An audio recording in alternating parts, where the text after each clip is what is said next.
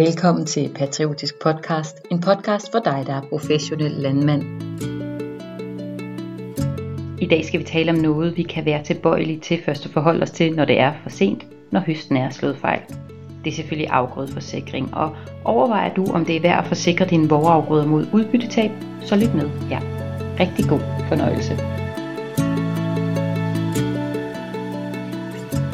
Mit navn er Camilla Holmgaard, og jeg har i dag inviteret min kollega her fra Patriotisk Selskab, Anders Halberg, til at fortælle os lidt om, hvilke overvejelser man bør gøre sig i forhold til afgrødeforsikringer. Velkommen til, Anders. Tak. Du er jo øh, chefkonsulent her i Patriotisk Selskab, og sidste år i 2023 blev du ret optaget af de her afgrødeforsikringer. Hvordan kan det være? Jamen 2023 var jo et år, hvor vi oplevede desværre, at flere havde nogle rigtig dårlige udbytter, og derfor så øh, blev det jo aktuelt med afgrødeforsikringer, i hvert fald dem, der havde tegnet, oplevede jo, at de, de trådte i kraft. Og, og det er jo også øh, i 2023, kan vi jo sagtens huske, hvordan høsten var i 2018, hvor vi også oplevede dårlige udbytter. Mm. Øh, og derfor så øh, er det nok blevet endnu mere aktuelt, at vi nu inden for en femårig periode har set to dårlige år. Så de her forsikringssager fyldte en del i 2023? Ja, vi har i hvert fald set øh, eksempler, flere eksempler på hos os, at der øh, har været erstatningssager, øh, hvor, man, hvor vi har været inde og, og givet en vurdering af, hvor meget udbytterne har været, eller hvor meget lavere de har været i forhold til det olympiske gennemsnit, som er jo det, man kigger på når, og taler udefra, når man snakker om afgrødeforsikringer. Altså man tager de seneste fem års udbytter, mm. så tager man, fjerner man det dårligste og det bedste år, og så de resterende tre år regner man gennemsnittet ud af. Så hvis udbyttet er på et vist niveau under det her olympiske gennemsnit, typisk 15 eller 20 procent afhængig af ens forsikringsaftale, så udløses forsikringen. Ja. ja. De her afgrødeforsikringer, eller udbytteforsikringer, som de også kaldes, er en relativt ny mulighed her i Danmark. Det er korrekt, ja. Øh, jeg mener, det var i 2018, at det blev introduceret af Top Danmark, og de er jo sådan set indtil videre i hvert fald de eneste, der har tilbudt den her type forsikring øh, mod udbyttetab. Afgrødeforsikring er jo lidt anderledes i forhold til for eksempel havlforsikringer. Dem må man kunne tegne igennem øh, årtier, og de er jo sådan meget specifikke på en given mark og i et givet øh, uheld, hvor der kommer havl på ens arealer, så vil det være den skade alene, som er dækket.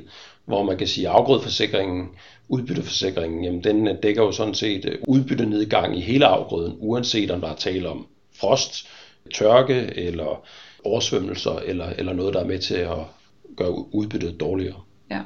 Og hvordan, øh, altså det er noget nyt i Danmark, men er det også det internationalt? Altså, øh, afgrødeforsikringer er udbredt flere steder i verden, og man kan bare se mod syd, øh, mod Tyskland, der har de også øh, afgrødeforsikringer, øh, og det har de også i Polen. Øh, jeg har selv set det tidligere i, i Baltikum, og hvis vi så kigger over Atlanten, jamen så i USA har afgrødeforsikringen været en slags landbrugsstøtteordning, hvor man sikrer landmændene ved at betale del af den præmie, som der er ved at have en afgrødeforsikring øh, fra statens side af. Så, så det er ganske udbredt og har været det igennem flere år øh, uden for Danmarks grænser. Ja, så forskellige udgaver af en eller anden model, hvor man, man går ind og, og dækker ved udbyttetab. Ja. ja. Jeg kunne jo godt tænke mig at tale lidt kroner og øre, altså få nogle konkrete tal frem. Kan du give et eksempel på, hvordan sådan en forsikringssag kunne se ud her i Danmark? Ja, vi har et eksempel for, for 2023, hvor øh, en landmand havde tegnet øh, en forsikring i Vorbyg og øh, havde et, et udbyttetab på 47 procent af sit olympiske gennemsnit, og den her udbyttedækningsgrad, den lå på 20 procent. Og det vil så sige, at øh, i og med at han høstede 47 procent lavere end hans olympiske gennemsnit, jamen så dækkede forsikringen så de her 47 procent af det olympiske gennemsnit til en erstatningspris, som var gældende i 2023. Og samlet set, jamen han betalte godt og vel de her 14.000 kroner for at være forsikret på de 100 hektar, og erstatningen den løb op i knap 400.000 kroner. Så det var et af de tilfælde, hvor det viste sig at være godt med en forsikring. Det var selvfølgelig et plaster på såret, fordi det, det er jo på ingen måde sjovt at høste kun halvdelen af det, man havde forventet. Mm. Det, det har en stor omkostning. Ja. Og hvad koster det at forsikre sig? Altså, hvor lå hektarprisen i 2023? Jamen i 2023, der lå den på 138 kroner per hektar, så det er det leje, man, man ser med kornafgrøderne. Og lidt højere, alt efter hvilke specialafgrøder der er. Det er muligt at tegne dem for stort set alle afgrøder, både frøafgrøder og specialafgrøder, kartofler, øh, raps osv. Mm. Og hvis vi så kigger frem til i år, kan man så sige noget om udviklingen i de her erstatningspriser? Er det på samme niveau, som vi så i 23, eller? Altså kigger vi på de gængse afgrøder, korn og, og raps, jamen så ligger, øh, fordi erstatningspriserne bliver udregnet efter det samme princip for olympisk gennemsnit. Mm. Her kigger man så i Danmarks Statistik for at se, hvad, hvad afregningspriserne har været de seneste fem år. Jamen så øh, har var jo 2023 et år med relativt høje kornpriser i forhold til for fem år siden i hvert fald.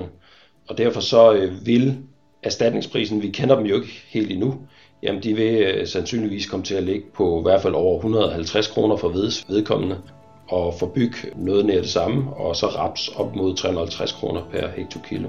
Så det er i hvert fald lidt højere, eller noget højere, end de erstatningspriser, vi så i 2023.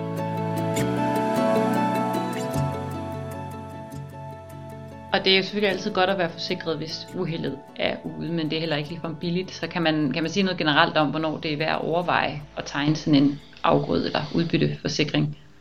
Jamen altså, det er jo sådan med forsikringer, at det er noget, man tegner, hvis det er, at man ikke kan øh, klare sig igennem øh, øh den øh, skade, som, som man forsikrer sig mod.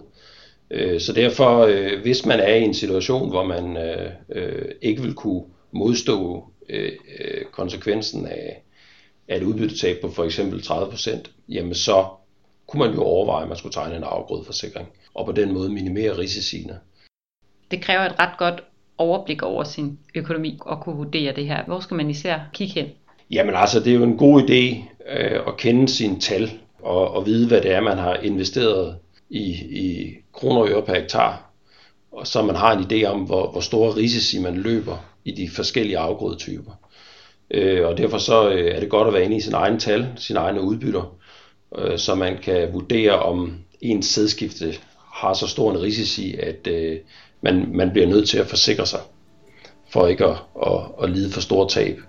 Og så er det jo også øh, helt klart, at øh, forskellige landmænd er i forskellige situationer, er man meget gældsat, så er man jo også mere udsat i forhold til at, en, et stort udbytte nedgang. Mm. Og så, så kunne afgrødeforsikringer være et godt supplement. Ja.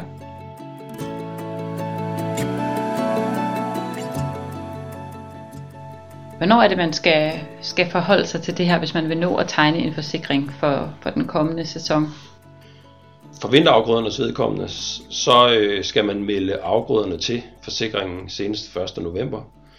Øh, man forsikrer hele kulturen, det vil sige, man, man kan ikke kun forsikre dele af sin, øh, sin hvedeafgrøde, man skal forsikre enten hele sin hvedeafgrøde, eller lade være med at forsikre den. For vorafgrødernes vedkommende, jamen der er fristen 1. maj, så der kan man nå det nu. Mm. Og så kan man jo også nå øh, at se, hvilke det erstatningspriser det er, man kan forvente i 2024, fordi de skulle gerne blive offentliggjort her omkring 1. marts. Og så har man lidt mere at, til at støtte sig til i, i sin beslutning. Ja. Jeg ved også, at du mener, at afgrødeforsikringer ligesom skal tænkes ind i en større sammenhæng, altså sammen med andre øh, instrumenter til risikostyring det kunne vi nok lave en hel podcast om i sig selv, men kan du sådan lige øh, rise op, hvilke instrumenter der er, du øh, tænker på her?